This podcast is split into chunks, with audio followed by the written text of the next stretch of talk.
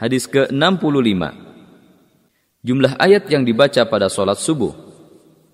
عن ابي برزه رضي الله عنه قال كان رسول الله صلى الله عليه وسلم يقرا في الغداه ما بين الستين الى المئه ايه Dari Abu Barzah radhiyallahu anhu ia berkata, Rasulullah shallallahu alaihi wasallam pernah membaca Al-Qur'an di waktu pagi pada sholat subuh antara 60 sampai 100 ayat.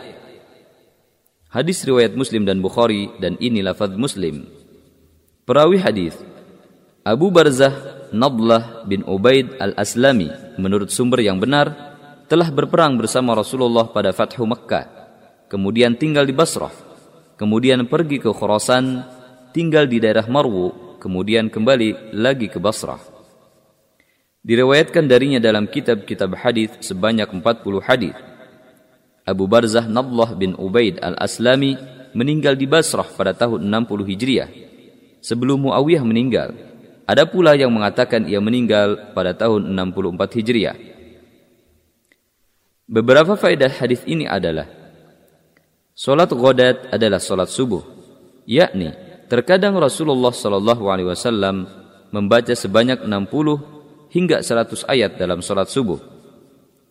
Disunahkan salat berjamaah dengan bacaan yang bisa diikuti oleh jamaah yang paling lemah maka tidak ada kebutuhan bagi Allah untuk mempersulit orang lemah atau membuat jamaah merasa bosan karena terpaksa harus berdiri lama selama kewajiban sholat telah sempurna meskipun dengan sedikit ayat.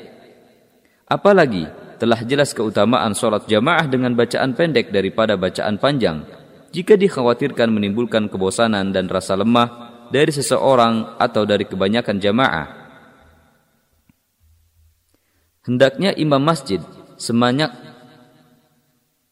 Hendaknya imam masjid semangat dalam menyatukan kaum muslimin dan menyatukan hati mereka, serta mengajak mereka kepada sunnah sedikit demi sedikit.